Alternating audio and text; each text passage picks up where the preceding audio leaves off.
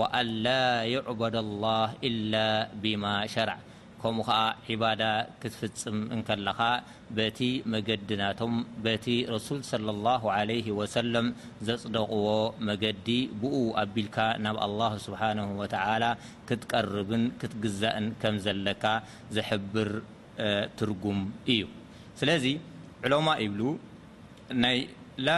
ናይ ሓደ ቅቡል መለክዒ ስራሕ እንታይ እዩ?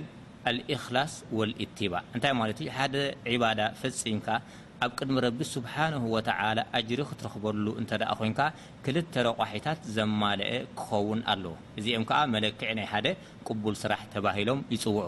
ንሳቶም ከኣ መጀመርያ ኢኽላስ እንታይ ማለት እዩ? እቲ ዒባዳ ትፍጽሞ ዘለኻ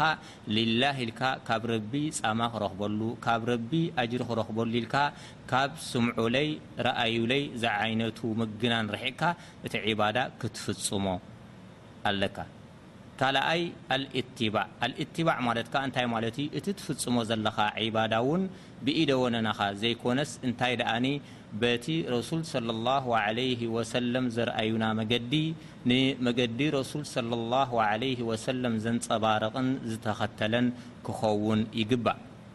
ምኽንያቱ ረሱል ሰለሏሁ ዓለይሂ ወሰለም እንታይ ይብሉ መን ዓመለ ዓመለን ለይሰ ዓለይሂ ኣምሩና ፈሁወ ረድ እንታይ ማለት እዩ ዝኾነ ይኹን ዒባዳ ካብቲ መገዲ ናህና ወፂኡ ብዘይ ትእዛዝ ናህና ብዘይ መምርሒና ዒባዳ ዝፈጸመ ኣብ ቅድሚ ረቢ ኣጅሪ የብሉን ስርሑ ንጹግ ኢዩ ኣብ ረቢ ውን ፍረ የብሉን ክብሉ ረሱል ሰለላሁ ዓለይሂ ወሰለም ገሊጾምልና ስለዚ ዝኾነ ይኹን ዒባዳ ንፍጽሞ ንመገዲ ረሱል ሰለላሁ ዓለይሂ ወሰለም ዝተኸተለ ክኸውን ኣሎዎ ንኣብነት ሰላት እንተድኣ ኮይኑ የቁሉ ነብዩ ሰለላሁ ዓለይሂ ወሰለም ሰሉ ከማ ረኣይቱሙኒ ኡሰሊ እንታይ ማለት እዩ ትርጉሙ ንሸነኽ ኣሰጋግዳይ ተመልኪትኩም ስገዱ ከምኡ ውን ብዛዕባ ሓጅ እንተ ኮይኑ ኹዙ ዓኒ መናሲከኩም እንታይ ማለት እዩ ልክዕ ከምቲ ኣነ ዝሓጀጅኩዋ ጌርኩም ሓጅኹም ሓጅጁ ልክዕ ከምታ ናተይ ኣገባብ ፈጽምዎ ኢሎም ረሱል ሰለላሁ ዓለይሂ ወሰለም ትእዛዝ ኣመሓላሊፎምልና ስለዚ ናይ ላኢላሃ ኢለላህ ሙሓመደን ረሱሉላህ ጽሟቕ ትርጉም ኣልኢኽላስ ወልኢትባይ እንታይ ማለት እዩ? ኣልኢኽላስ ክበሃል እንከሎ ንላኢላሃ ኢለላህ ይውክል፣ ኣልኢትባዕ ክበሃል እንከሎ ከኣ ንሙሓመደ ረሱሉላህ ዝብል ምስክርነት ወይ ከኣ ሸሃዳ ይውክል ማለት እዩ። ስለዚ እዚ እቲ ቀዳማይ ትርጉም ናይ ሸሃደቱ ኣን ላኢላሃ ኢለላህ ወኣነ ሙሓመደ ረሱሉላህ ክኸውን እንከሎ እቲ ካልኣይ ሩኩን ከኣ ሰላት ይበሃል። ሰላት እንታይ ማለት እዩ? ኣላህ ስብሓነሁ ወተዓላ ኣብ ለይትን መዓልትን ሓሙሽተ ግዜ ክንሰግድ ፈርዲ ገይሩልና እዩ፣ ኣዚዙና እዩ።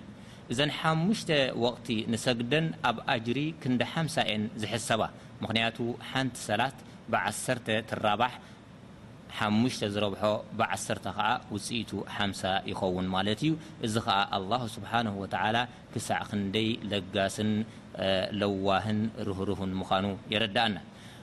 ናብ ረሱል ሰለላሁ ዓለይሂ ወሰለም ብዘይ ሓደ መንጎኛ ብቐጥታ ዝወረደት ዓይነት ዒባዳ ሰላት ጥራይ እያ። ሰላት ብዘይ ገለ መንጎኛ እያ ናብ ረሱል ሰለላሁ ዓለይሂ ወሰለም ወሪዳ። እዚ ኸኣ ሰላት ኣብ እስልምና ዘለዋ ቦታ ዓብይ ምዃኑ የረድኣና። ብዛዕባ ሰላት ኣመልኪቶም ረሱል ሰለላሁ ዓለይሂ ወሰለም ብዙሕ ኣሓዲስ እዮም ዘኪሮም፣ ሓደ ካብቲ ረሱል ሰለላሁ ዓለይሂ ወሰለም ዝገለጽዎ ከኣ ኣልዓህዱ ለዚ በይነና ወበይነሁም ኣሰላ ፈመን ተረከሃ ፈቀድ ከፈር እዚ እንታይ ማለቱ እዩ ኣብ ሞንጎናን ኣብ ሞንጎ ኩፋርን ዘሎ መፈላለዪ ዶብ ሰላት እዩ ሰላት ዝሓደገ ከኣ ናብቲ ዶብ ናቶም ተሓዊሱ እዩ ክብሉ ረሱል ሰለላሁ ዓለይሂ ወሰለም ኣብ ክቡር ቃሎም ገሊጾሙልና። ከምኡውን ረሱል ሰለላሁ ዓለይሂ ወሰለም ኣብ ጻዕረ ሞት እንከለዉ፣ ኣብ ጻዕረ ሞት እንከለዉ ብዛዕባ እንታይ ተዛሪቦም እንተ ኢልና ሓደ ካብቲ ለበዋ ናባና ዘመሓላለፍዎ ሕድርኹም ዝበሉና እንታይ እዩ ሰላት እዩ የቁሉ ነብዩ ሰለላሁ ዓለይሂ ወሰለም ኣሰላቱ ኣሰላ ወማ መለከት ኣይማኑኩም እንታይ ማለት እዩ ሕድርኹም ብሰላት ሕድርኹም ብሰላት ኣብ ሰላትኩም ቀጥ በሉ ኢኹም ከምኡ ከኣ ነቶም ኣብ ትሕቴኹም ትሰርሑ ሰራሕተኛታት ከኣ ደሞዞም ኣብ መዓልቶም ሃብዎም ማለት እዩ። ስለዚ እዚ ኣገዳሲ ስለ ዝኾነ ረሱል ሰለሏሁ ዓለይሂ ወሰለም ኣብ ጻዕረ ሞት እንከለዉ ጠቒሶሞ ማለት እዩ። ስለዚ ሰላት ኣብ እስልምና ዘለዋ ቦታ ዓቢ እዩ። ሓደ ሰብ ዘይሰግድ እንተደኣ ኮይኑ ብሉይ ኢማን ከም ዝውንን ጥራይ እዩ ክርዳእ ዘለዎ። ሳልሳይ ኢታኡ ዘካ፣ ሳልሳይ ርኩን ናይ እስልምና ዘካት ምዕዳል እዩ።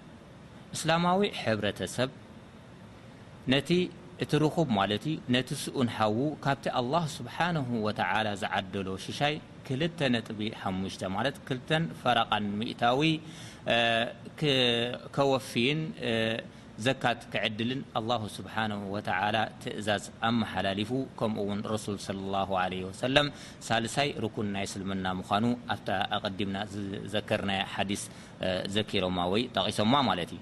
ስለዚ እዚ ከኣ እንታይ የረድእ ሓደ ርኹብ ንዘይርኹብ ሓዉ ክሕግዞን ዘለዎም ሽግር እሂን ምሂን ተባሂሎም ክፈትሑን ካብ ምፍጣጥን ቅርሕንትን ዘለዎ ሃዋህው ርሒቖም ኣብ ፍቕርን ሰላምን ስኒትን ዘለዎ ባይታ ወይ ከኣ ሃዋህው ክነብሩን እንታይ ዝገብር ዝሕብር ወይ ከኣ ትእዛዝ ዘመሓላልፍ ሓደ ዓይነት ዒባዳ እዩ። ራብዓይ ርኩን ናይ እስልምና ስያም ማለት እዩ።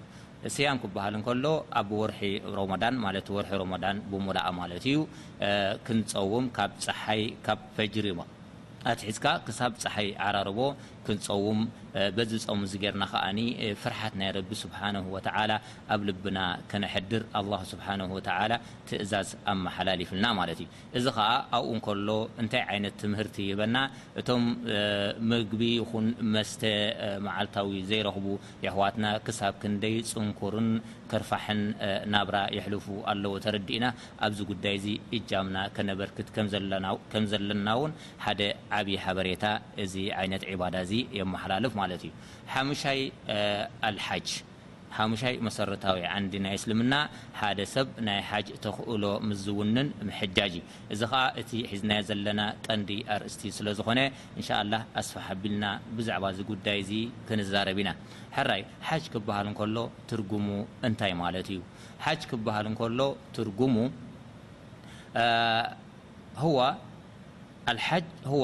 التعبد لله سبحانه وتعالى بأقوال وأفعال مخصوص في مكان مخصوص حج بل كل شرعو ترم فلي قل تقبر ب فلي ب زي عبد مفم ج بل ይጽዋዕ ስለዚ ፍሉይ ቃል ኣሎ መሰለን ከም ተልብያ ለበይክ ኣላሁመ ለበይክ ለበይከ ላ ሸሪከ ለከ ለበይክ ኢነል ሓምደ ወኒዕመታ ፍሉይ ከኣኒ ተግባር ኣሎ ከም ጠዋፍ ከም ሳዒ እዚ ኣብ ካልእ ቦታ ኣይትገብሮን ኢኻ ብጀካ ኣብ ሓጅን ዑምራን እንተዘይ ኮይኑ እሞ ከኣኒ ኣብ ፍሉይ ቦታ እታ ጠዋፍ ኣብ ካዕባ ትገብራ እታ ሳዒ ኣብ ሰፋ ወል መርዋ ትገብራ ኣልውቁፍ ቢል ዓረፋ ኣብ ምንታይ ደው ትብል ኣብ ዓረፋ ዝተባህለ ቦታ ደው ትብል እዚ ዝተፈላለየ ዓይነት ቃልን ተግባራትን ዘማለኤ ዓይነት ዒባዳ ሓጅ ተባሂሉ ይጽዋዕ።